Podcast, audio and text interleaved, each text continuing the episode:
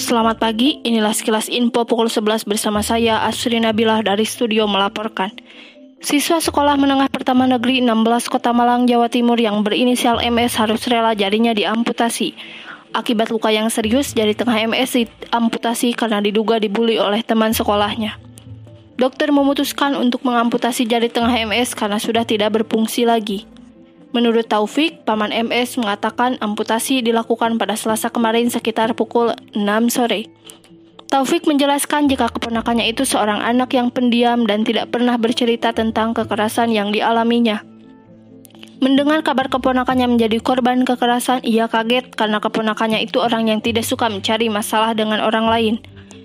Terkait kasus tersebut, Kepolisian Resor Kota Malang, Komisi Perlindungan Anak Indonesia, dan Dinas Pendidikan Kota Malang akan memberikan perlindungan keselamatan kepada korban.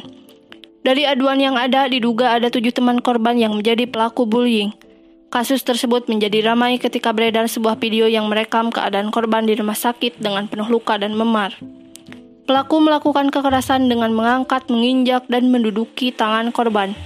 Proses hukum akan dilanjutkan dengan Undang-Undang Perlindungan Anak dan Undang-Undang Sistem Peradilan Pidana Anak kepada anak-anak yang diduga pelaku bullying. Demikian sekilas info hari ini. Saya Asri Nabila pamit undur diri. Sampai jumpa.